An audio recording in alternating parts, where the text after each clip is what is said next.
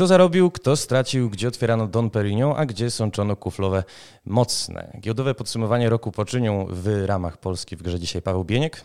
Dzień dobry. Albert Long-Termerokicki, który mógłby też się, nie wiem, kiwnąć głową, a, że witam jest serdecznie. Witaj witam Albercie. serdecznie wszystkich słuchaczy. Oraz czwarty dobrydża Konrad. dobrego w nowym roku. Y, również właśnie to dobra okazja, żeby takie życzenia złożyć. Też oczywiście się do nich doklejamy. I czwarty dobrydża Konrad Ryczko. Dzień dobry, witam Państwa. Panowie, działo się bardzo dużo i tak naprawdę nie wiem od czego podsumowanie giełdowe roku 2021 zacząć. Może wy mi powiedzcie w takim razie, takie pytanie puszczam weter otwarte, co was najbardziej zaskoczyło in plus, a co was najbardziej zaskoczyło in minus? To może, może ja zacznę. Mnie na plus na pewno zaskoczyło najbardziej przejęcie pakietu akcji Bluebera przez Tencenta. To duży gracz, który wszedł na polski rynek. E, transakcja była dość zaskakująca i chyba nieoczekiwana. Znaczy wiadomo było, że fundusz szukał e, inwestora do, na ten pakiet, ale akurat, że będzie to taki inwestor, to chyba mało kto się spodziewał. I na pewno jest to jedna z większych niespodzianek. Natomiast negatywem chyba jest taki, który na szybko przychodzi do głowy, to wciąż, wciąż nieszczęsny cyberpunk, który mm. nadal nie performuje tak, jakby oczekiwali gracze i inwestorzy. No, czego, o czym się boleśnie przekonaliśmy, e, kiedy CD Projekt ujawnił wyniki kwartalne za kwartał trzeci, odbiegające daleko od konsensusu PAP. Do tego jeszcze wrócimy, ale już rzuciłeś fajny kamyczek do naszego ogródka, mianowicie Tencenta. To znaczy e, on w roku ubiegłym pozyskał trochę zakulisowo właściwie Pixel Ant, wykupując Sumo Group, do którego polskie studio należało. Łakomi się wiadomo na One City, właściciela Cynegi, Y, Mowa i Qloka. No i rzeczywiście w październiku nabył 22% wszystkich udziałów Bluebird Team, stając się największym akcjonariuszem krakowskiej spółki. Wydał na ten zakup 77,6 miliona złotych. Co to dla Bluebird Teamu oznacza i dlaczego właściwie nie zauważyliśmy, żeby akcje jakoś wystrzeliły do góry? Dla Bluebera na pewno jest to pozytywna wiadomość, bo daje mu e, na pewno większe zasięgi, większą możliwość dotarcia, dotarcia do graczy, w szczególności w, tam, gdzie, gdzie ten cent jest silny, czyli, czyli w Azji. E, natomiast Blueber nie był spółką tanią według mnie i brak reakcji kursu na to wydarzenie wydaje się potwierdzać tę tezę. Mało tego, po tej transakcji kurs się dość mocno obsunął. Uh-huh. Być może po prostu ten cent jest innym inwestorem niż, niż poprzedni fundusz i, i, nie dba o kurs, że tak to ujmę. To było w ogóle przedziwne, ponieważ e, prezes Babieno, pamiętam, z pompą ogłaszał na GPW, plan pięcioletni, że tutaj przesuwa się w ogóle od y, horrorów psychologicznych w stronę takich horrorów mainstreamowych. Ogłosił partnerstwo z Take-Two. Y, gdzieś tam starał się nas jeszcze oczarować tym już ogłoszonym partnerstwem z Konami. Nowe, nowe Layers of Fear, które co prawda nie wiemy, czy będzie rebootem, remake'iem, sequelem, prequelem czy interquelem, ale też zostało zapowiedziane, a mimo to Blueber spada, słuchajcie. Jest to być może zaskakujące, natomiast pamiętajmy o tym, że mm, wycenę spółki tworzy tak zwany storytelling. I tego story w Blueberze cały czas mamy dużo. Mhm. E, tam jest dużo pozytywnej narracji, natomiast nie zawsze ta narracja przekłada się super na wyniki, bo według mnie akurat Blair Witch przy całej pompie jego ogłoszenia i, no i w sumie dużym, dużej widoczności, to wpływ na wyniki jego nie był aż tak duży, jakby można było sobie wyobrażać. I i myślę, że część inwestorów tutaj się sparzyła i ostrożnie podchodzi do, do wszystkich zapowiedzi.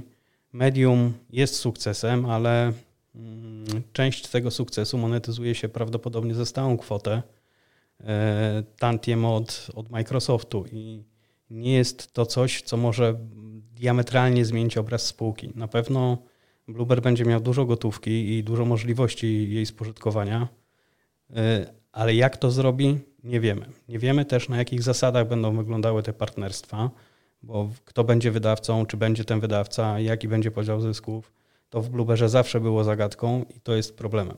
Trzeba by chyba tytułowe medium zatrudnić, żeby wyrokować, jak to się tam rozkłada. Natomiast y, tutaj w takim razie odbiję piłeczkę do Konrada, bo jak przygotowywałem się do tej audycji, wysłałem wam listę tematów, to Konrad powiedział, żeby dodać jakieś dwa pozytywne akcenty, no i zaproponował tutaj Car Mechanika, bardzo słusznie zresztą, e, i The Medium. Czy y, rzeczywiście The Medium było sukcesem i jakie ty, Konradzie, dostrzegasz największe pozytywy i negatywy, jeżeli chodzi o giełdę, w dwa, y, no oczywiście spółki związane z produkcją gier wideo w 2021?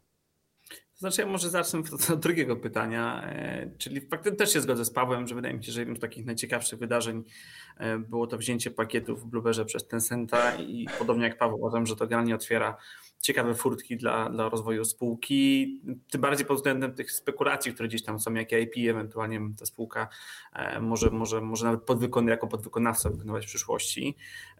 Co do negatywnych e, tendencji, no to raczej e, Cyberpunk oczywiście tak, ale pamiętam, powiedzieć, że ta premiera miała miejsce w, w grudniu 2020 roku, także mm, bardziej bym powiedział, że, że jakby większym problemem na rynku jest to, trochę ten dłuższy taki temat jakiś wydarzył. Czyli jakby sama premiera, pamiętam, że Cyberpunka, ona miała oczywiście wpływ na, na, na, CD, na CD Projekt, e, ale, ale generalnie może przez chwilę był, był spokój. Tak? Dopiero później zaczęło się ten negatywny sentyment wyraźnie po rynku rozlewać.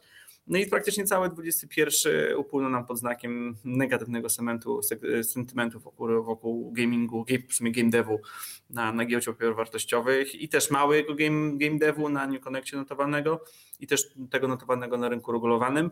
No i trochę przykre jest jakby to, że mm, że dało się zauważyć miejscami, że tak naprawdę nie chodzi o to, jaką spółka ma jakość, tak, jakie ma IP i jakich, jakich, jakich pracowników, taką jaką historię, ale generalnie koszykowo to wszystko trochę poszło. E, co oczywiście powoduje, że część wycen wydaje się być dość atrakcyjna już na ten moment, ale, ale na przykład na sam koniec e, roku 2021 mieliśmy serię debiutów nieudanych, no i na przykład jedna ze spółek, wydaje mi się, która tam wchodziła, generalnie broniła się wynikami, a również, również musiała jakby zderzyć się z podażą na, na, na, na samym początku. A która spółka powiedz? Z giełdą. Tak, tak, tak. tak. No, y, nie da się ukryć, 700 tysięcy cooking simulatorów to jest no, ponad milion wraz z DLC-kami, to jest wynik budzący y, uznanie. Y, Albert, pamiętam, że czytałem swego czasu takie wydanie Stock Marketu, w którym dziennikarze zebrali 40 bodaj dwie spółki, które mogą zadebiutować w 2021 roku na New Connect. 22 to były spółki związane z game devem. Tych debiutów wydaje się, nie było tak dużo, a jeżeli były, to były raczej nieudane. Popraw, jeśli się mylę. No tak, no nie ukrywajmy, że mamy do czynienia z, z bessą całego sektora i tutaj bym nawiązał do tych negatywów, które, które nas smucą i które zaskoczyły, przynajmniej mnie. E, to znaczy mam tu na myśli spadek WIG Games, e, cokolwiek by nie mówić o tym indeksie, no to on jednak reprezentuje e, tą branżę na, na GPW i on stracił 22%, podczas gdy WIG w zeszłym roku zyskał 21%, więc takiej dysproporcji ja się nie spodziewałem. Oczywiście Bessa jest czymś naturalnym i spadki kursów spółek są nieuniknione, natomiast ja przewidując Bessę kiedyś, no też byłem zaskoczony, że Cyberpunk tak bardzo mm, zawiedzie. E, spodziewałem się, że to będzie połączone też z załamaniem całego rynku. Nigdy bym nie przypuszczał, że WIG będzie tak dobrze performował, czyli będzie zyskiwał ponad 20% i w tym samym czasie game dev straci 20%, więc to było takie negatywne zaskoczenie i nic dziwnego, że w takich okolicznościach no ten, ten rynek jest pomijany przez inwestorów. Myślę, że to jest taki efekt kaca, jak ja to mówię, tak pół żartem, pół serio. Po takiej mega libacji alkoholowej, którą mieliśmy w 2020, gdzie jeszcze pandemia spowodowała lockdowny, więc byliśmy zamknięci w domach, sprzedaże na Steamie biły rekordy, więc po takim e, ultra udanym roku 2020, no ciężko było oczekiwać, że kolej, nawet z fundamentalnego punktu widzenia mam na myśli, ciężko było przewidywać, że ten kolejny będzie równie udany. No okazało się, że właśnie taki kac również spowodowany tą produkcją najbardziej oczekiwaną zresztą na całym świecie. No ja byłem jako Polak dumny, że na polską produkcję w ogóle bez rozróżnienia na branżę czekał cały świat, słuchajcie, także no to ogromne rozczarowanie chociażby też z tego względu. Natomiast tak już zupełnie y, serio też powiem od strony biznesowej, że ja życzę każdemu studiu takiej porażki, gdzie przez rok y, spółka zarabia ponad miliard złotych na czysto, być może do półtorej dużej bańki dobija, ma na koncie półtora miliarda, więc no, życzmy sobie samych takich porażek. Oczywiście to wszystko było w kontekście też wywindowanej wyceny giełdowej, no 40 miliardów przy tylko tam miliardzie z hakiem zysku netto z najbardziej oczekiwanej gry ostatniej dekady, no to było giga rozczarowanie. Aczkolwiek tak jak e, chociażby mm, w kontekście nagrody, którą uzyskała gra wczoraj, chociażby od Steama za najlepszą narrację, czy tam gra no, w luźnym tłumaczeniu z, z bogatą fabułą, czy ze znakomitą fabułą, E, czy też w kontekście poprawiających się ocen i, i takiego lunchu 2.0 y, planowanego zgodnie z wyciekiem zresztą też wczorajsza. Ale ten wyciek już został zdementowany przez Radka Grabowskiego z CD Projektu, to znaczy ten, to Samurai Edition specjalnie, nie, nie zawsze, na, tak. specjalnie na polskim Game Devie zresztą żeśmy o tym nie pisali, ponieważ się brzydzimy anonimowych wycieków na Forczanie czy Reddicie, no bo one zwykle wprowadzają więcej zamieszania niż pożytecznych informacji dostarczają. Ale wspomniałeś o tym kacu i tak się zastanawiam, kto tego kaca odczuł jako pierwszy. To znaczy, e, w styczniu miała e, miejsce, miał miejsce debiut e, Huge Games, który był debiutem no, reklamowanym jako największa w ogóle oferta publiczna e, spółki game devowej w historii GPW, no i w naszej też części Europy. E, analitycy pamiętam, że twierdzili, że to będzie debiut, e, po którym spółka może pod względem kapitalizacji prześcignąć Playwaya i się uplasować tuż za CD Projektem. Zresztą sobie wynotowałem takie zdanie z pulsu biznesu. Potencjalna wycena spółki, a co za tym idzie oferty, może być niebagatelna. Z informacji pulsu biznesu wynika, że jeden z brokerów wycenia Huge w przedziale 1,20 1,23 do 1,45 miliarda e, dolarów, czyli od około 4,6 miliarda złotych do 5,5 miliarda złotych. Tymczasem kurs szybko zanurkował poniżej ceny emisyjnej, wynoszącej 50 złotych i już nigdy się właściwie do tej ceny e, nie zbliżył. Był to taki, zdaje się przynajmniej, no tutaj się muszę wasi, waszym autorytetem posiłkować, zwiastun, że jeżeli chodzi o spółki game to na IPO niekoniecznie trzeba, trzeba liczyć na, na wielką stopę zwrotu. Zresztą to był być może potrzebny kubeł zimnej wody, bo chwilę wcześniej debiutował, yy, debiutował People Can Fly, PCF Group, który na pierwszej sesji dał 50% zysku. No ale ja się już rozgadałem, panowie, co jeżeli chodzi o tego Hugh'a właściwie poszło nie tak? Znaczy, generalnie ta spółka nie była nigdy w kręgu moich zainteresowań. Mi się wydawało ona dosyć drogo wyceniana już na wejście. Bym tak porównał takie troszeczkę gamingowe Allegro to było, czyli po prostu udało się założycielom opracować bardzo wysoko tą emisję w Polsce i to też taka ciekawostka, że wybrali Polskę, a przecież działają w Stanach, więc tutaj już jakieś tam lampka ostrzegawcza się zapaliła, dlaczego tak chętnie tutaj e, nad Wisłą się zdecydowali na, na IPO.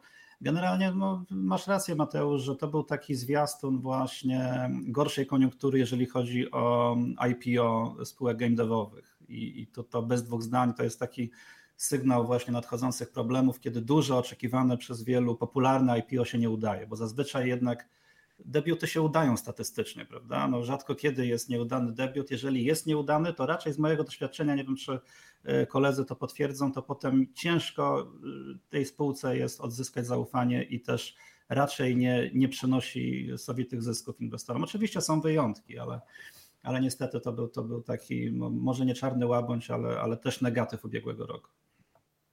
Ja też bym może tutaj dwa zdania od Ciebie dodał. Rzeczywiście, jak Albert mówi, wydaje się, że tutaj e, nawet już przed IPO-sem to się mówiło, że ta spółka powiedzmy ma potencjał, ale nie jest wyceniana tanio. E, I, chociaż akurat sam debiut pamiętam, wydaje mi się, że tam nie było jakichś specjalnych spadków. Wydaje mi się, że było około 1% na zamknięciu, tak można powiedzieć, generalnie. No nie do końca udane, tak, ale, ale, ale, ale bez jakichś większych dramatów, które generalnie przyszły dopiero później.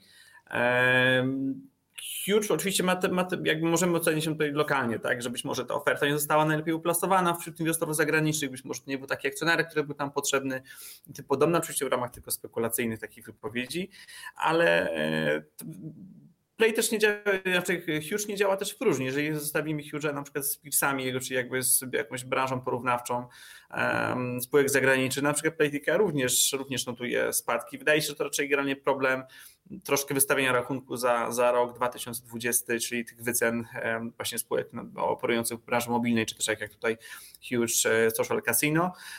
No i kwestie tych, tych na przykład różnych danych dotyczących poufności, tak, i możliwości na przykład targetowania, targetowania użytkowników poprzez reklamy, tak, bo to jest takie story, które wydaje mi się dziś tutaj wokół tych gier free to play i pochodnych gdzieś cały czas tutaj wisi nad tym rynkiem. Z tego co pamiętam, Apple już tam troszkę troszkę, troszkę, troszkę namieszał, a jeszcze czekamy na jakiś ruch Google'a. Także wydaje mi się, że to powiedzmy wisi nad tym całym sektorem, a, a niekoniecznie tylko nad Huge'em. Znaczy Huge, tutaj może sprostuję, to jest naprawdę tak naprawdę duża firma, bo to jest 600 osób, 10 biur na całym świecie i właściwie jakby ją porównywać z najbliższym na naszym rynku, powiedzmy, ekwiwalentem, a więc ten Squarem, no to wygrywa, e, e, wygrywa w przedbiegach. A tymczasem w ciągu pięciu sesji, no to był spadek o 20%, więc e, bardzo odczuwalny. No i mówię, nigdy się już cena akcji do tego, do, do ceny emisyjnej nie zbliżyła. Zastanawiam się natomiast, bo wspomnia... skoro już mówimy o ten Square Games, to głośno było w tym roku E, I właściwie to był trochę taki refren tego roku, że się pewne spółki sposobią do przejęcia albo przyłączenia. No, przez pewien czas taką narrację snuł Bluebird Team, e, cały czas taką narrację snuje CI Games, e, no i również wspomniany już ten Square Games, z czego właściwie wynika ta chęć polskich spółek, żeby no, znaleźć się pod czyimś parasolem. Nie wszyscy naraz. Mateusz, jeśli mogę, to wróćmy jeszcze na chwilę do Huge'a. Wróćmy. Mm, tam wydaje mi się, że problemem był odwrót mody, młodych graczy e, do gier typu kasyno. Mm, jeśli spojrzeć, tak jak wspomniał Konrad, na porównywalne spółki, one spadały w podobnym tempie, w podobnym mhm. okresie.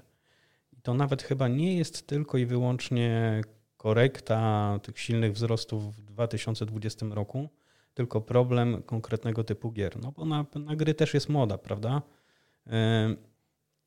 Kiedyś 20 lat temu graliśmy w strategię czy, czy w przygodówki, teraz przygodówek w zasadzie chyba nie ma, prawda? To nie są jakieś wielkie komercyjne sukcesy. To zależy, to znaczy moglibyśmy się zaangażować w dyskusję, jak ten gatunek ewoluował, czym jest teraz i... No tak, oczywiście. Jasne, Natomiast nie o to chodzi. Y, y, jest widać pewien odwrót od y, gier typu Social Casino.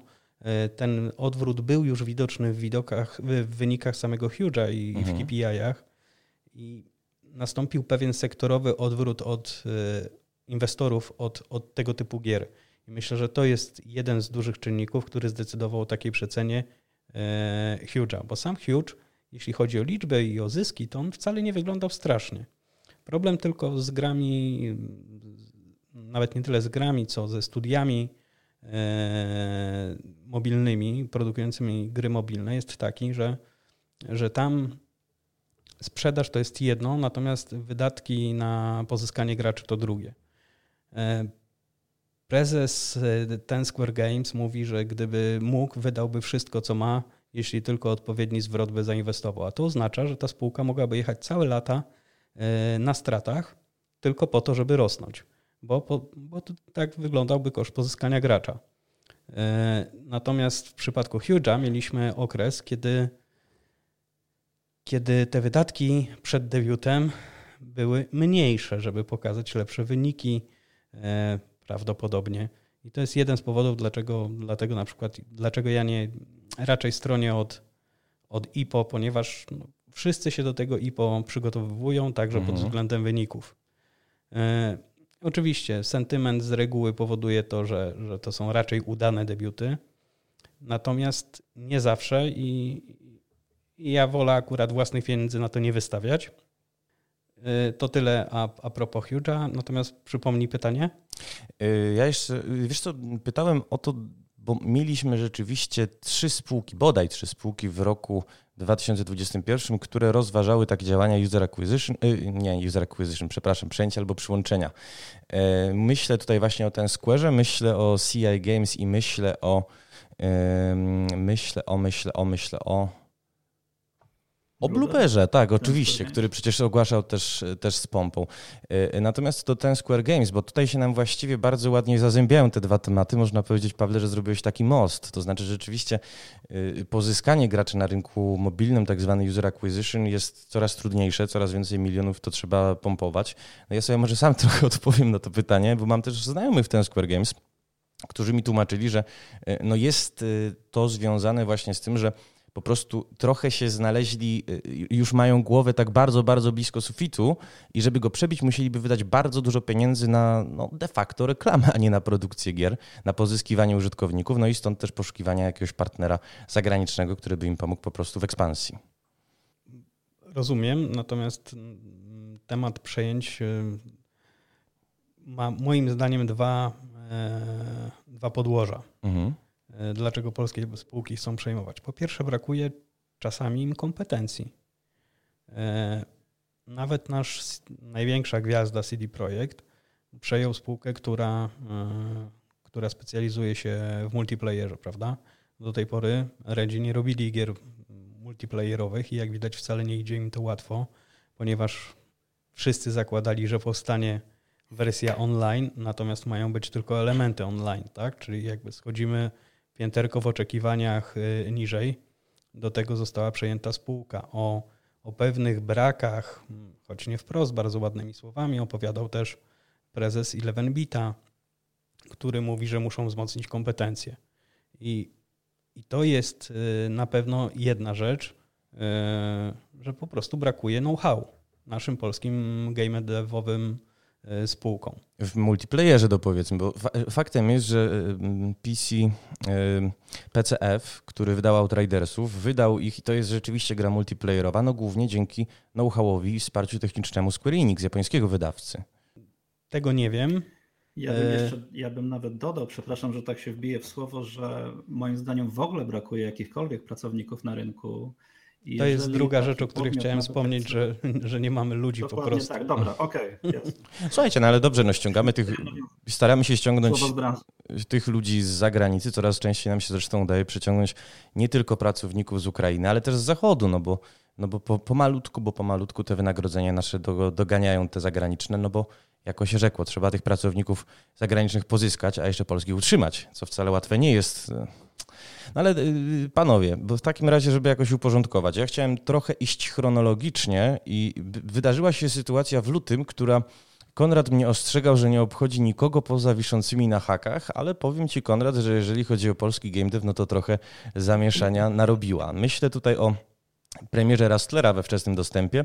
No i to chyba można powiedzieć z całą stanowczością kryzysie na kursie Games Operators, bo wczesno, wczesno dostępnego builda, jak się okazało, pozytywnie oceniało raptem 66 tysięcy użytkowników. W ciągu trzech dni zarobił on 65 tysięcy złotych, no co przy budżecie rzędu 1,65 miliona, no przyznacie, mogło, mogło rozczarowywać. No i ten kurs y, y, Games Operators zanurkował w ciągu roku y, z ponad 30 zł do około złotych 10. Czy jest szansa na jakieś odbicie i właściwie, bo mieliśmy kilka takich przypadków w roku, że jedna gra może właściwie położyć w cenę spółki. Czy to jest racjonalne? Znaczy, w przypadku Games Operator to ja bym tutaj nie powiedział, że to jedna gra położyła wycenę spółki bo ta gra debiutowała z tego, o ile dobrze pamiętam, także możecie mnie jak pan poprawić, ona debiutowała na bazie story pod 911 operator, czyli na bazie tam tych wyników i, i, e, i tam był, potem miał być, był sequel tego, czyli e, nie wiem, podlinki powiedzmy amerykańskie 112 operator tak. i ten, ten, ten, square, znaczy ten, ten sequel generalnie jakoś specjalnie się nie przyjął, także ta duża, duża część wyceny została oddana mm, dużo, dużo, dużo jeszcze przed, jak może przed Rastlerem. E, o ile dobrze pamiętam, spółka była nawet po 50 zł, tak? I przed Rastlerem gdzieś było zejście do 20-30 i dopiero mhm. potem jakieś Mhm. I jakieś story pod Rastlera, które miały być powiedzmy średniowiecznym GTA, takim oldschoolowym zrzutem, zrzutem izometrycznym z góry. E, tam te faktycznie i, i te wyniki sprzedażowe i, i, generalnie odbiór rynku nie były zbyt najlepsze, także pakiet powiedzmy gier tutaj i zawiedzień pewnego oczekiwań, co generalnie też wywołało troszkę, wydaje mi się, konsternacji w branży, bo dotąd się zakładało, że jeżeli mamy jedną dobrą grę i wydajemy sequel, to może samogra i to jest trochę za dużo słowo, ale generalnie jest to dość bezpieczny temat. A w przypadku Games Operator okazało się, że, że na poziomie właśnie tego wcześniejszego 112 Operator to nie miało miejsca. Także to można powiedzieć takich zbiorczych czynników e, i na pewno więcej niż jedna gra i jeden, jeden powiedzmy brak sukcesu. Jasne, to znaczy można jeszcze argumentować, że wydawca w całym roku 2021 nie miał tak naprawdę szczęścia, bo ani Natural Instinct sukcesu nie odniosło, ani Artificer, ani Pulse and Souls. no, Ale na te tytuły Mateusz to chyba nikt nie liczył, wiesz? Bo... Nie, nie, nie. Tylko wiesz, w tym rzecz, że rzeczywiście mamy jeden tytuł, który generuje tak duże zainteresowanie, że, że następuje to tąpnięcie. I, I dla mnie to jest trochę absurdalne. Tym bardziej, że mieliśmy, słuchajcie, w tym roku no, ekstremalny przykład, co prawda, ale mieliśmy sukces Gas Station Simulatora, który potrafił wywindować w ogóle Drago Entertainment, spółkę, która przypomnę, no istnieje kilkanaście lat. Nigdy właściwie żadnych sukcesów y, nie odnosiła. Powiem więcej, Drago Entertainment y, właściwie zasłynęło jako no, takie studio porażka, mogę to chyba powiedzieć. Y, ich Grimlands, które miało być taką MMO odpowiedzią na Fallouta, no, nie zebrało pieniędzy na Kickstarterze. Potem przez niemieckiego wydawcę zostało wyrobione studio wykończenie Oderlandsów, takiego projektu też MMO zresztą, który właściwie był w, w stanie zaawansowanego rozkładu e, i, i, sam fakt, że go skończyli był oczywiście sukcesem, natomiast no, nie zdobył popularności, e, co więcej gracze no, również wyrażali negatywne zdanie o, o studiu i nagle po prostu po latach przychodzi wielki sukces, ale to jest jedna gra który winduje w ogóle w pewnym momencie kapitalizację do 90 milionów złotych. Ona już trochę spadła, to jest 75 w tym momencie. Natomiast trochę ja tego jako gracz, który obserwuje giełdę przygodnie, nie rozumiem. To znaczy tego, że taki właśnie jeden tytuł może albo położyć w ogóle y, kurs studia, albo może sprawić, że jacyś pariasi nagle się staną y, no, rozgrywającymi i, i punktem odniesienia dla innych studiów. Trochę tak, Mateusz, y, jest, że Inwestorzy mm, działają na bazie sentymentu, duża grupa. Sukces y, winduje oczekiwania, oczekiwania y, wpływają na wycenę i to jest samonakręcająca się maszyna. Mm, ale niestety bardzo często zapominamy i bardzo często nie jest to brane pod uwagę e, w jakichkolwiek estymacjach, że tylko część gier tak naprawdę to są hity, które robią duże pieniądze Natomiast cała masa gier jest po prostu przeciętna, często się nie zwraca. E, jeśli dobrze poszukamy, to nawet same studia zostawiają projekty. U siebie na portalu często piszesz o, o, o spółkach e, Playwaya, które nie tylko zresztą, które mnóstwo projektów zapowiadają. Michał a... Król w tym przoduje, to tylko wejdę w słowo, bo rzeczywiście on uwielbia tropić takie smaczki, uwielbia też tropić takie playwayowe kosze, to znaczy jakieś takie fikcyjne szyldy, pod które się podpina te gry, które nie wyszły. Być może, ale jest to akurat moim zdaniem bardzo, bardzo fajna strategia z punktu widzenia inwestycyjnego, e, która minimalizuje ryzyko. Przynajmniej mówię od strony inwestorów. To pomijam zupełnie kwestię tego, czy, czy wobec graczy to jest fair, czy nie fair czy powinni czekać, czy nie czekać. Natomiast jeśli jakoś gra się zweryfikuje wśród e, na wishlistach, to można oczekiwać, że, że finalny produkt, e, jak Preprodukcja się zweryfikuje oczywiście, że finalny produkt też się jakoś sprzeda. A zaraz, zaraz, zaraz, Pawle, bo ja mam kontrargument. Listopad, mieliśmy premierę Motorcycle Mechanic Simulatora 2021 od spółki Play to Chill. Też panowie doskonale wiecie, że się rzeź na akcjach rozegrała. E, no i ja pamiętam, że e, spółka, wynotowałem sobie zresztą, bo jestem do tej rozmowy względnie przygotowany. Spółka się chwaliła, że ma 130 tysięcy zapisów na wishlistach, ponad 560 tysięcy pobrań prologu. Tymczasem no, okazało się, że po premierze gra w tę grę 430 osób. Dla porównania Car Mechanic Simulator, bodaj największy sukces Playwaya w tym roku, 22,5 tysiąca tak zwanego piku. No i teraz pytanie, czy te wishlisty, jakimi są, yy, przepraszam, czy te instrumenty, yy, jakimi są zapisy na wishlistach i liczby pobrań prologu, rzeczywiście dalej działają. Tym bardziej, że prezesi, nawet prezes Kostowski, zdają się od nich dystansować w 2021. Wydaje mi się, że e, pan Krzysztof wcale się nie dystansuje. Cały czas w aktualnościach twierdzi, że gry z wysoką wishlistą sprzedają się lepiej niż te z niską. Natomiast oczywiście nie można ich traktować jako y, narzędzia, które mówi wprost, ile tej gry się sprzeda. Mhm. Natomiast jest pewna korelacja i ona jest dość wysoka, która pozwala budować jakieś oczekiwania. Oczywiście realizacja może być różna, może być wyższa, niższa.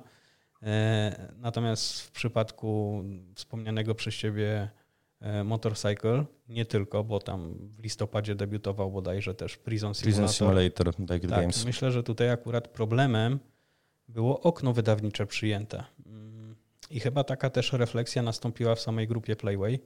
E, Kostkowski mówił, że nie było przypadkiem, że CMS wyszedł pod koniec wakacji, zdaje się, mhm. tak? a, nie, a nie tam, gdzie buszują duzi wydawcy i, i w największym zainteresowaniu, bo to zabiera widoczność tym, tym grom i, i efekt jest jaki jest. E, wishlisty nie są idealnym narzędziem, natomiast są chyba najlepszym, jakie, jakim dysponują inwestorzy. Ale wróćmy na chwilę do tego, e, do tego, o czym rozmawialiśmy przed chwilą. Mm, nie każda gra będzie sukcesem i to jest jasne. Natomiast w przypadku, e, w przypadku Game, Operator, Game Operators mieliśmy dwie gry, które budowały wycenę tej spółki. Jedną był sequel 911, e, mhm. czyli 112. Tam było rozczarowanie i między innymi prawdopodobnie jest to powód dość chłodnego przyjęcia Big Cheese'a, który na obecnych wynikach wygląda fajnie, natomiast sequel czy sprzeda się równie dobrze, co najmniej równie dobrze, chociaż raczej, przyzwy, raczej oczekiwania byłyby takie, że powinien sprzedać się lepiej, e, w związku z tym, że będzie droższy, także cena powinna być większa, więc przychody, przychody powinny być to naturalne oczekiwanie. Natomiast czy tak to działa w symulatorach? Case 911 e, operator mocno podważył tą tezę. I to jest jedna rzecz. Jeśli dwie gry nie wypalają, to nie ma się co dziwić, że kapitalizacja spółki spada.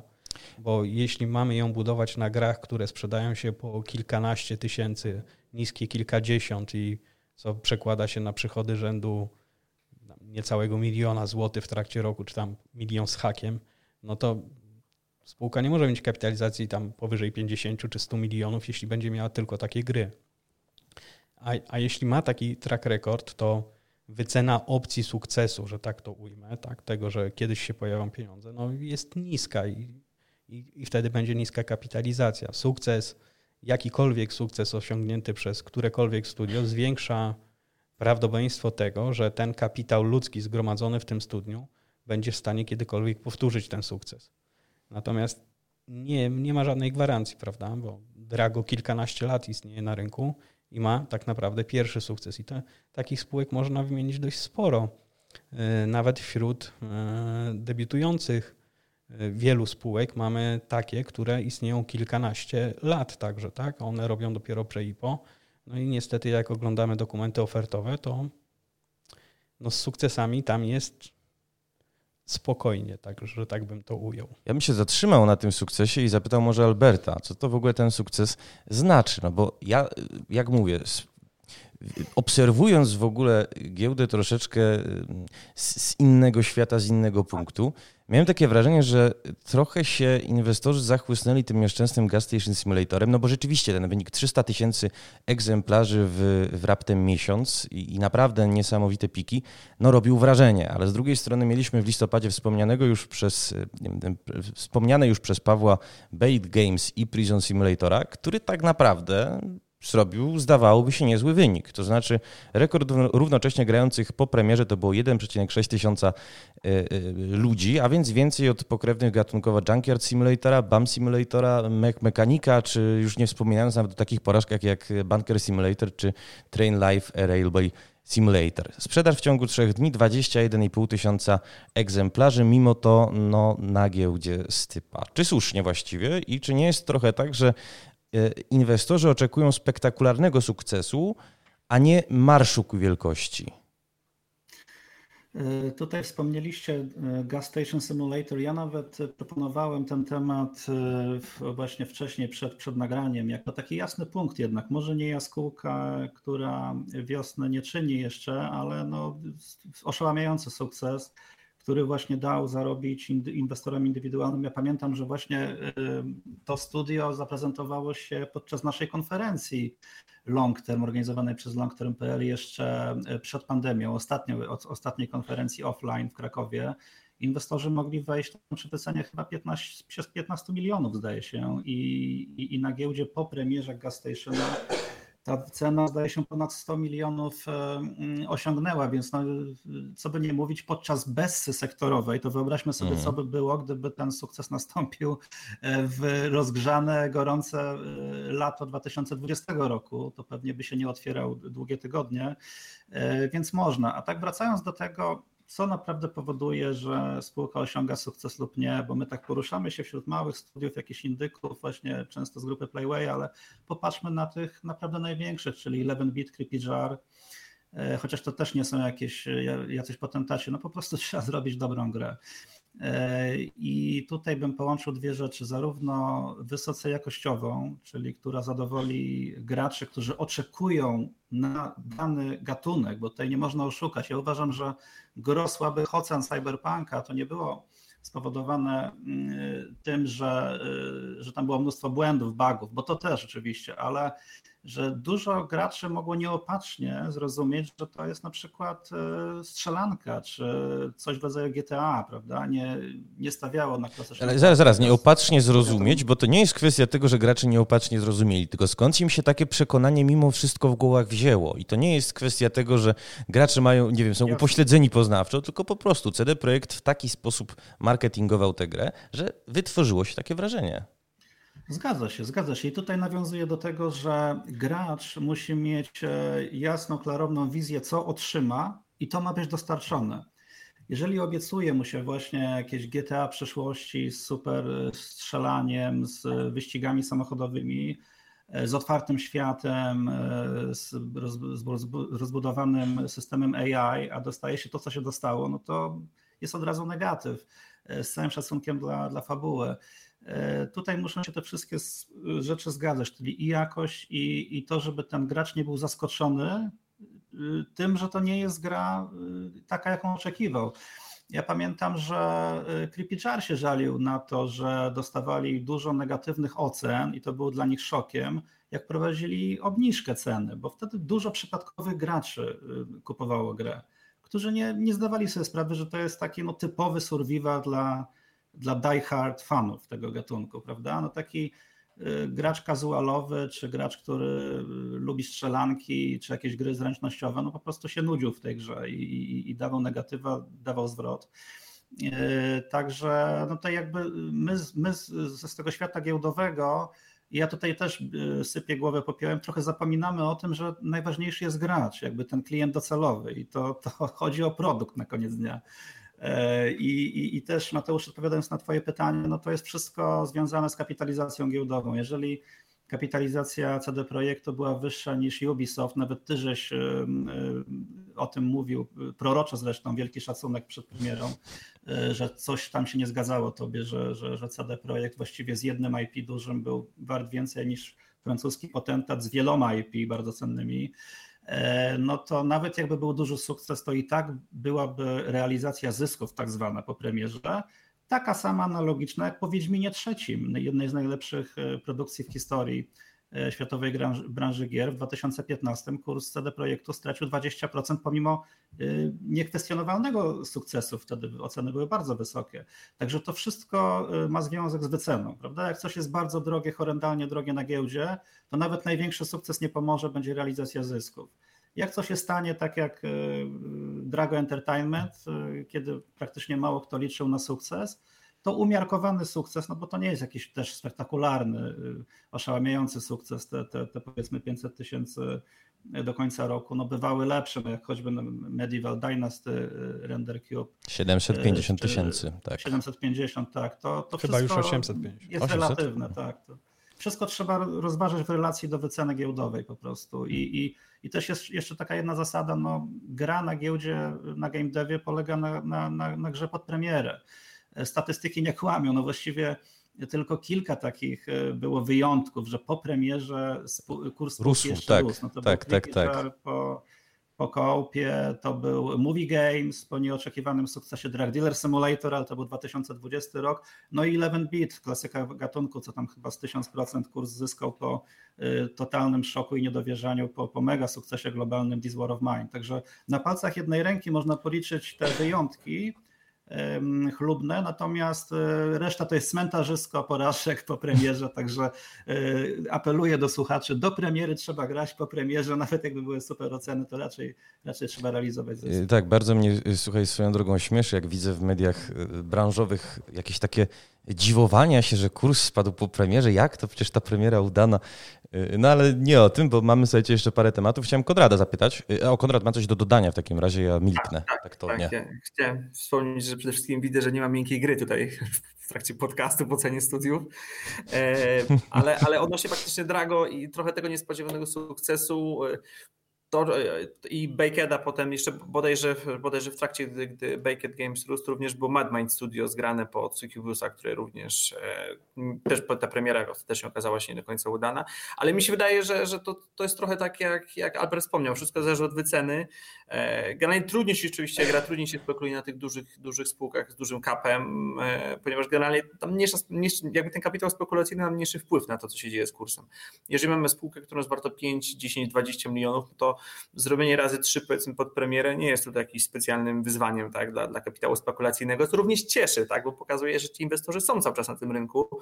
Oni generalnie łapią się różnego rodzaju tematów, próbują na nie grać, ale często jest to traktowanie trochę e, jak, jak to, jak, jak tutaj kolega wspomniał, że jako opcja, tak? Czyli, czyli gramy, gramy pod jakąś premierę, jest, jest, jest powiedzmy nieudana ta premiera, bądź też udana. Jeżeli jest udana, no to spółka, tak jak Drago, przynosi się na parę półek wyżej odnośnie kapitalizacji.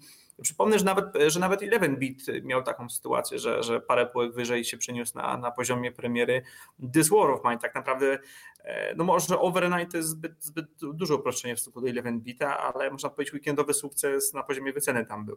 Tak samo tutaj Drago również w perspektywie paru dni znaczące podwyższenie kapitalizacji, ale to działa też w drugą stronę. Jeżeli na przykład, jak, jak wspomniany już tutaj e, Motorcycles e, Mechanic Simulator, jeżeli tutaj jest odwrócona sytuacja, mamy negatywną premierę, tam też nie ma sentymentu w tym układzie. Tak. E, ja akurat miałem to szczęście, że byłem e, na, na urlopie wtedy, ale, ale z tego co słyszałem, tam był problem z otwarciem się nawet kursu, także bodajże z poziomu 15 zł to się tworzyło po 6 zł, e, czyli układ opcyjny, tak, wychodzi nam mm, dobre, dobra premiera, jest parę półek wyżej, jest premiera zła, no to ten, te akcje powiedzmy lecą w, lecą, lecą w arkusz, a tamta płynność na ogół na tych mniejszych spółkach, powiedzmy gdzieś tam poniżej 100 milionów na rynku, E, czy nawet mniejszych, to, to, to, to ona zwyczajowo nie jest tam największa, także nawet jakieś takie większe paczki powodują właśnie takie e, zejścia tego kapitalizacji 50-60%. No, part of the game, element gry powiedzmy na, na game devie. E, jeszcze dodatkowo, gdy damy tą całą bezsę, którą tutaj Albert wspomniał na rynku, no mamy te niskie poziomy wyjścia, to sprzyja zmienności. Konrad, wspomniałeś, użyć takiego określenia, że inwestorzy się łapią tematów i złapali się w 2021 jednego tematu, którego ja przyznam szczerze nie rozumiem. To znaczy, był taki moment w sierpniu, kiedy Climber Sky is the Limit, gra, no, którą wydawało Art Game Studio, została nominowana w dwóch kategoriach do Gamescom Awards. No i nagle kurs urósł po tej, ogłoszeniu tej nominacji o no, bagatela 40%. I zastanawia mnie do tej pory właściwie, skąd taka reakcja. To znaczy, y, po pierwsze, wiemy doskonale, że Gamescom Awards są płatne. Żeby się w ogóle tam dostać, trzeba uiścić jakieś, y, jakiś pieniążek i dlatego nie każdy twórca się zresztą decyduje y, wziąć w nich udział. Co więcej, no to delikatnie rzecz ujmując, nie są najistotniejsze nagrody, jeżeli chodzi o naszą branżę. Czy to jest, wynika, po, czy to jest Y, rezultat tego i jakiś może wyznacznik tego, że inwestorzy nie do końca w ogóle rozumieją funkcjonowanie branży gier, czy może jest tu jakieś jeszcze drugie, trzecie, piąte dno? Mm, to może tym razem ja zacznę. I rzeczywiście, rzeczywiście tak jak Mateusz mówisz, y, inwestorzy się uczą, tak? Jeżeli tutaj mieliśmy informacje i trochę połączenie dwóch informacji, też tego, co Albert mówił. Przede wszystkim niska wycena, tak? Mamy spółkę z niską wyceną, e, my mamy informacje o Games Award, no to generalnie wyobraźnia działa e, podobny bym powiedział, może, znaczy, może nie na poziomie mechanizmów, ale bym powiedział, że inwestorzy uczą się razem z rynkiem tego, co spółki podają, jakie informacje wchodzą na rynek, na przykład One More Level, tak, i kwestie go, go Runnera. Tam też duża, duża część ekspertów rynkowych sugerowała, że ta wycena jest absurdalna w zakresie tego, co ta spółka może generalnie pozyskać pomimo sukcesu gry.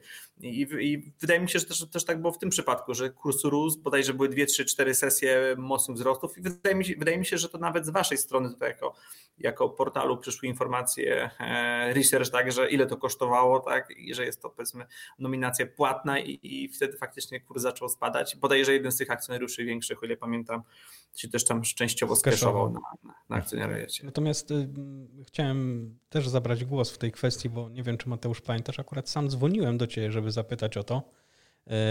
Był taki moment. Wspomniałem, e, wspomniałem o tym zresztą też na Twitterze, bo ja graczem nie jestem, nie jestem specjalistą od gier, natomiast jestem analitykiem typowym finansowym, który w branży gier siedzi od początku. Pamiętam sukcesy pierwsze e, City Interactive, bo wtedy jeszcze tak się nazywało CI Games.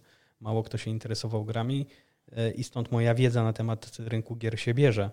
E, natomiast dla mnie akurat Gamescom jako jedne z największych targów to nominacja mm, na takich targach no, podświadomie budowała. Nawet frekwencyjnie największa właściwie. Dokładnie. E, e, szansę na, na sukces gry. Dopiero weryfikacja, jak radziły sobie tytuły nominowane we wcześniejszych latach, jak to się przekładało na sprzedaż, no, ostudziła entuzjazm. Natomiast sama pierwsza informacja, to widziałeś moją reakcję, tak? Pierwszy mhm. był telefon do ciebie, e, co to oznacza i nadal wydaje mi się, że sam fakt, że te mm, że trzeba zapłacić za to, nie dyskredytuje teoretycznie takiej nagrody. Natomiast życie pokazuje, że nie ma to większego znaczenia, bo, bo winersi tych nagród, e, mówiąc delikatnie, wielkich sukcesów sprzedażowych nie robili. Ale rynkiem zawładnęły emocje, z czego skorzystał, tak jak powiedział Konrad Prezes. No i e, a czemu panowie, bo mamy coraz mniej czasu mm, i mam jeszcze kilka tematów, które chciałbym poruszyć. E, zastanawiam się na przykład, dlaczego rynkiem nie zawładnęły emocje, czy może, może nawet nie tyle rynkiem, co, co ewentualnymi zbiórkowiczami, bo była taka inicjatywa crowdfundingowa w tym roku Play of Battle, nie wiem czyście słyszeli. To znaczy Wspólnie z Noobs from, Noobs from Poland planowało pozyskać e, bagatela 4,4 miliona złotych, e, no, chcąc zrobić polską Europę Universalis. No i tutaj gwarantami jakości miały być nazwiska i to dodam, że nazwiska nie byle jakie, e, no bo w projekt e, mieli zostać zaangażowani dr George Friedman, profesor Norman Davis, znany wam zapewne twitterowy bożyszcze dr Jacek Bartosiak, Waldemar Skrzypczak, no i Zbigniew Pisarski, czyli no naprawdę, jak to mawiają anglosasi, top of the tops. I to się nie udało. I zastanawiam się właściwie czemu, bo o ile rzeczywiście to Gamescom Awards, no to tutaj coś dzwoni nie wiadomo w którym kościele, ale jeżeli ten inwestor INSPE ma faktycznie no, tego sortu nazwiska. Inna rzecz, że one nie mają nic wspólnego z game devem. Inna rzecz, że nie wiadomo, czy Noobs from Poland byłoby w stanie y, tę polską Europę Universalis dowieść, bo, bo to wcale nie jest łatwo zrobić dobrą grand strategy. Ale dlaczego to, mówiąc kolokwialnie, nie pykło? Nie wiem, znaczy, czy któryś. Ja faktycznie widziałem, e, widziałem nawet reklamę na Facebooku i tak e, byłem przekonany, że im to e, się uda przy takich głośnych nazwiskach. Bartosiak, Friedman. Powiem szczerze, byłem w szoku, że nie zabrali. Chyba tam nawet połowy tego nie udało się zabrać. Poprawcie mnie, jeżeli się mylę. I to był dla mnie kolejny sygnał, że jednak no, Bessa sektorowa y, y, zbiera swoje żniwa, aczkolwiek z drugiej strony uważam to za pozytyw, ponieważ Bessa jest konieczna i to w każdej branży w celu samooczyszczenia rynku i też wyeliminowania, no nie chcę nikogo obrażać, tak, ale no podmiotów też patologicznych, powiedzmy sobie szczerze. I z drugiej strony to, co mówiliśmy, ten deficyt pracowników. No, Bessa też tutaj przyczyni się, mam nadzieję, i to też już obserwuję, y, bo jakieś tam przecieki w branży się pojawiają, że y, wręcz zespoły się zwijają, nie, nie, nie są zakładane, a wręcz e, są likwidowane i, i, i ta podaż pracowników myślę, że, że będzie się zwiększała i tak jest w każdej branży i uważam, że tutaj ten pomysł właśnie celebrytów z branży geopolityki jest takim sygnałem, że no, głośno nazwiska nie sprzedają. No niestety Podobnie zresztą było w branży konopnej z Leroyem. Też było dla mnie wielkim zaskoczeniem. Leroy też chyba nie, nie odniósł sukcesu w zbiórce. Także to tak pół żartem, pół serio, ale fakt, że jeszcze jakby rok temu to zrobili, to pewnie by, zna, by mieli nad, nad popyt. Więcej byłoby chętnych niż, niż akcji, a, a że trafili na, na głęboką, surową bessę jeszcze po tych wtopach, które żeśmy tutaj wymieniali, no to po prostu no, przykro. No. Wielu w to zresztą żeśmy nawet. Wielu w to żeśmy nie wymienili, bo tutaj byśmy mogli powiedzieć chociażby o kiepskim też debiucie Punch Punk Games, autorów This is the Zodiac Speaking. No ale wydaje mi się, że już nawet nie mamy czasu, żeby omówić wszystkie tegoroczne wtopy i, i słabe debiuty, co tak naprawdę nie jest oczywiście dobrą, dobrą informacją. Na koniec panowie chciałem... Już to jest bardzo dobra informacja. Bardzo dobra informacja. To jest bardzo dobra informacja, bo e, inwestorzy Rok 2020 był bardzo specyficzny. Był to okres tak. pandemii, był to okres, kiedy były na przykład zamknięte stacjonarne zakłady bukmacherskie. Był to okres, kiedy napłynęło na rynek całe multum nowych ludzi. Nowych, niedoświadczonych, bez żadnej wiedzy, którzy inwestowali pieniądze. Wszystkie oferty mm, w zasadzie crowdfundingowe sprzedawały się na pniu. Wystarczyło słowo gaming, mhm. niezależnie czy była to wycena 10 milionów, 30 milionów, 40 milionów wszystko się sprzedawało. To nie jest naturalne zachowanie rynku. Naturalnym zachowaniem rynku jest selektywne podejście. E, oczywiście rynek rzadko bywa, kiedy w takim stadium e, odpowiednim, tak, gdzie prawidłowo wycenia wszystko. Często, gęsto jest to okres albo euforii, taki jak e, w zeszłym roku, albo ja bym tego nawet nie nazwał jeszcze, że mamy jakieś mega przecenione spółki, że, że wszystko jest tanie. Nie. Powiedziałbym, że one są wycenione rozsądnie. Być może jest to właśnie dobry okres, y, żeby zacząć się nimi interesować, ale inwestorzy tymi debiutami słabymi, tymi porażkami nauczyli się selekcjonować informacje, y, nauczyli się wybierać to, co ma szansę y, i zobaczyli, że game dev to też jest ryzyko, bo o tym często się zapomina, tak? O czynniku ryzyka ile spółek y, zarabia, ile nie. Jeśli poczytać fora giełdowe, nawet Twittera, naszego fin Twittera, oczekiwania w stosunku do Baked Games i, i Prison Simulatora były budowane na bazie sukcesu y, Gas Station, ponieważ bardzo podobne miały KPI -e prologi i, i wishlisty były także podobne, natomiast jedna gra się sprzedała, druga nie, tak? I wszyscy, wszyscy na szczęście zdali sobie sprawę z tego, że, że to jest ryzyko. Dlatego ja jestem bardzo zadowolony, że tak się stało. Ta bessa wcale nie jest głęboka i e, sektor przecenił się o 20-30%. Ja pamiętam 2008 rok, kiedy e, spadki przekraczały 50%, 60, 70 na niektórych spółkach. I, i dobrze, dobrze, że ta bessa jest delikatna, tak? Bo średnia, średni spadek w sektorze to 30%. To nie są jeszcze duże straty. To nie są jeszcze duże straty, co prowadzi nas do pytania zgoła kluczowego. Panowie, w kilku słowach, może zaczniemy w takim razie od, y, od Konrada, który się dawno nie odzywał. Jak będzie, jeżeli chodzi o, o New Connect, o GPW, wyglądał rok 2022, który się właśnie rozpoczął? Czy ta besse się uda jakoś zahamować, czy może, czy może niekoniecznie? Czy stricte sektor game devowy, tak? Nie, tak nie jest, tak jest. Tak, znaczy wydaje mi się, że tak jak Paweł mówił, że jesteśmy dość, dość blisko dziś tego, przynajmniej tych, tych racjonalnych wycen.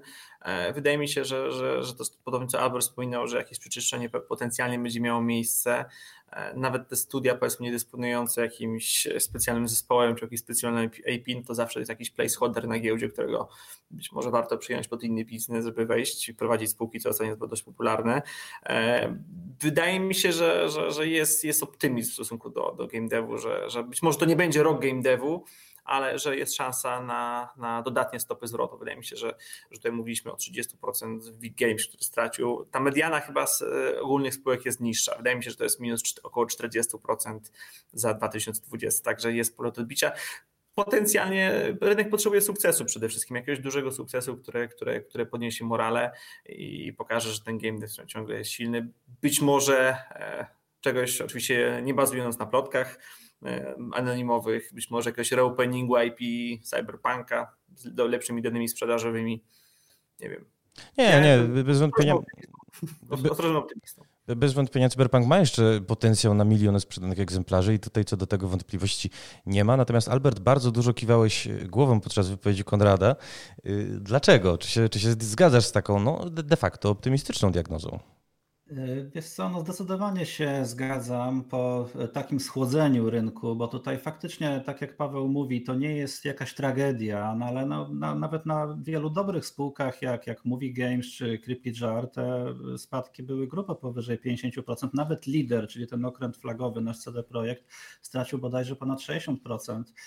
E, więc uważam, że zdecydowanie te ceny są atrakcyjne tak w, w, horyzoncie kilkuletnim, może nie kilku kwartałów, jak e, na to patrzą analitycy domów maklerskich niestety, czy zarządzające funduszami, bo często spotykam się z takimi wypowiedziami, wiesz co, za rok to mnie tutaj może nie być, tak? Także jakby oni nie podchodzą na long term, ale ja jako long term mogę powiedzieć z pełną odpowiedzialnością tutaj zupełnie szczerze i, i na to kładę swój kapitał, że pod nowy cykl właśnie hossy, to teraz jest dobry moment, żeby akumulować te dobre, uznane już podmioty, bo być może będzie taniej po jakiejś e, jeszcze nieoczekiwanej panice, ale w perspektywie kilku lat to uważam, to są bardzo, bardzo dobre wyceny. Ja przypomnę, że może tak procentowo nie ma jakiejś tragedii, ale czasowo to ta bessa jest bardzo długa na wielu podmiotach, bo taki Creepy Jar czy Movie Games wspomniane, to one miały swój szczyt już w wakacje 2020 roku, więc półtora roku tkwią w Bessie.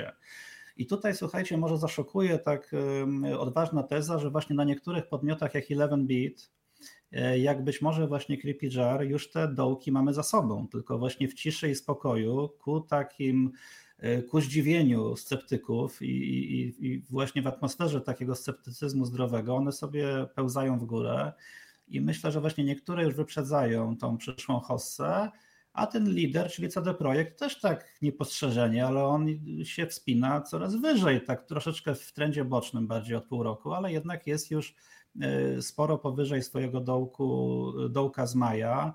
I ja tutaj uważam, nie ma cudów. Jak CD Projekt nie odbije, to i, to i branża nie odbije. To jest, to jest ten nasz okręt flagowy, najbardziej rozpoznawalny medialny też i na zachodzie, aczkolwiek upatruję też szansy spoza giełdy, czyli Techland i premiera Dying Light 2.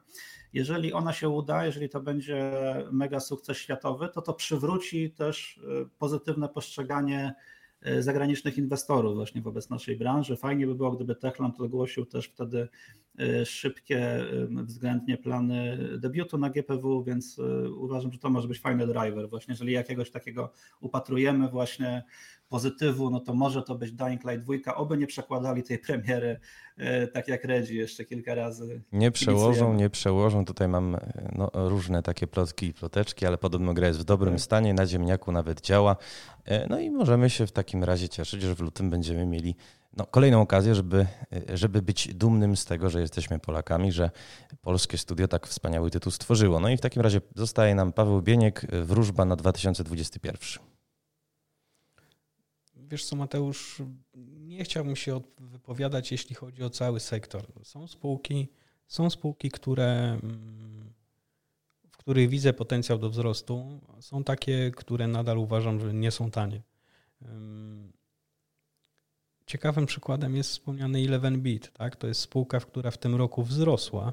I to najlepsza spółka w sektorze, a spółka, która, poprawnie jeśli się mylę, ale zdaje się, że nie miała żadnej premiery, nawet ja. w nodze wydawniczej, prawda? Nie, najwyżej DLC-ki wydawali, ewentualnie y, jakieś wyprzedaże. Wydaje mi, się, że, wydaje, mi się, wydaje mi się, że nie było tam nic. Tam był dobry pierwszy kwartał wyprzedaży. Co było, przepraszam? Y, jeszcze raz, Albert? No był, był teaser, teaser Frostpunka. A, był teaser Frostpunka oraz y, stop, stop klatka z projektu 8, tak. No to rozgrzało rzeczywiście głowy. Y, ale Pawle... Ob... Ale to, to, to, ważna informacja jest, za chwilę do niej wrócę, bo tam dobry pierwszy kwartał był, jeśli chodzi o wyprzedaże, wyniki były naprawdę porządne. Drugi, trzeci był, drugi był słabszy, trzeci no też niczym bardzo nie zachwycił.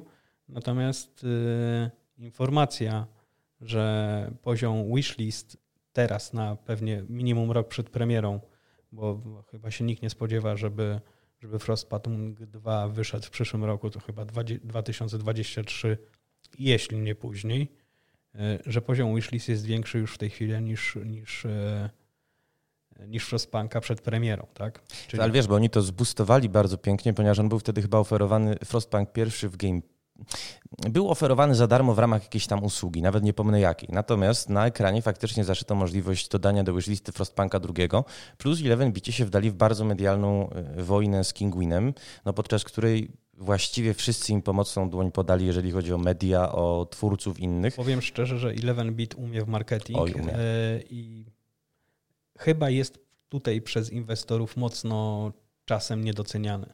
A przede wszystkim przez te, przez te spółki, które, które próbuje wybierać do programów wydawniczych, bo, bo to nie tylko jest y, Kingpin.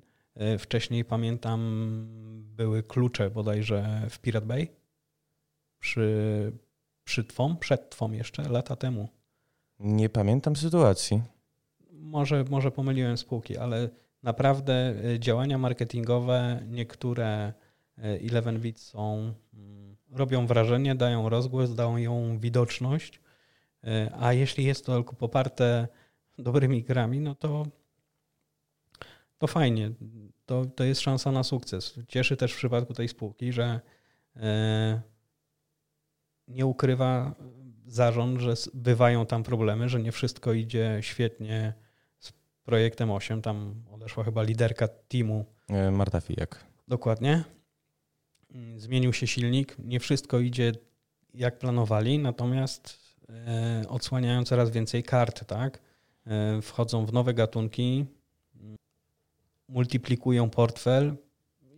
To może być coś, co, co, co, co będzie driverem wzrostów każde kolejne ujawnienie czy projektu własnego, czy, czy nogi wydawniczej może zbustować kurs. Prawdopodobnie także Playway ma szansę na bazie kolejnych sukcesów tych gier w produkcji, tam jest całe mnóstwo. Jeśli coś wypali, jedno, druga, drugi, trzeci projekt, też może być dobrze. Ale jest całe wciąż nadal dużo spółek, które które mają cały czas potencjał spadkowy.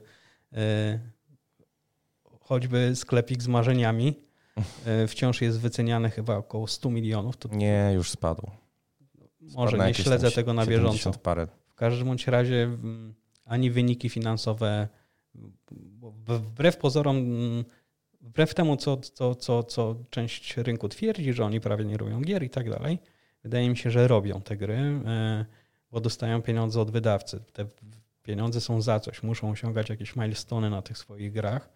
Natomiast czy to będą dobre gry, czy nie, mm, to nie wiemy. Natomiast te pieniądze już w dużej mierze części, w dużej mierze przeszły i tam sukcesów ciężko się spodziewać, które uzasadniałyby wciąż kapitalizację, chociaż może się mylę, może mają asa w rękawie. E, podszedłbym, odpowiadając krótko na Twoje pytanie, podszedłbym do branży selektywnie podszedłbyś do branży selektywnie. Ja natomiast y, no, mam nadzieję, że cała branża będzie 2022 rosła. No taka też moja dola redaktorska. Panowie, bardzo Wam serdecznie dziękuję za spotkanie dzisiaj. Przypomnę, że moimi gośćmi byli Paweł Mibieniek. Dziękuję bardzo. Albert Longterm-Rokicki. Dziękuję bardzo. Oraz Konrad Ryczko.